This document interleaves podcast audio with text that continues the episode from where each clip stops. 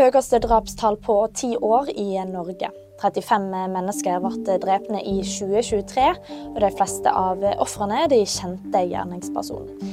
Den yngste sikta for drap er 14 år og kan ikke straffes, mens den eldste var en 87-årig mann. Eurostar stopper alle tog lørdag. Oversvømmelsene i Storbritannia fører til at tusenvis av reisende ikke kommer seg av gårde før nyttår. 41 togavganger til Paris, Brussel og Amsterdam er kansellert. Magnus Carlsen er verdensmester i lynsjakk. Med dette sikrer han sin sjuende lynsjakktittel og 17. VM-tittel totalt.